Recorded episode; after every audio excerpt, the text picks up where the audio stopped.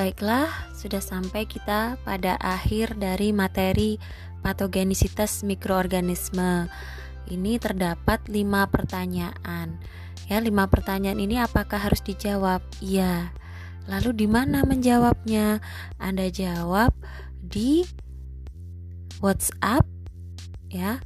Anda masing-masing mahasiswa menjawabnya di WhatsApp dimulai hari ini dan sampai besok malam ya. Baiklah, kalau sudah paham, terima kasih atas perhatiannya. Mohon maaf jika ada kesalahan, kekurangan tentu asalnya dari saya dan lebihnya tentu dari Allah. Terima kasih dan wassalamualaikum warahmatullahi wabarakatuh.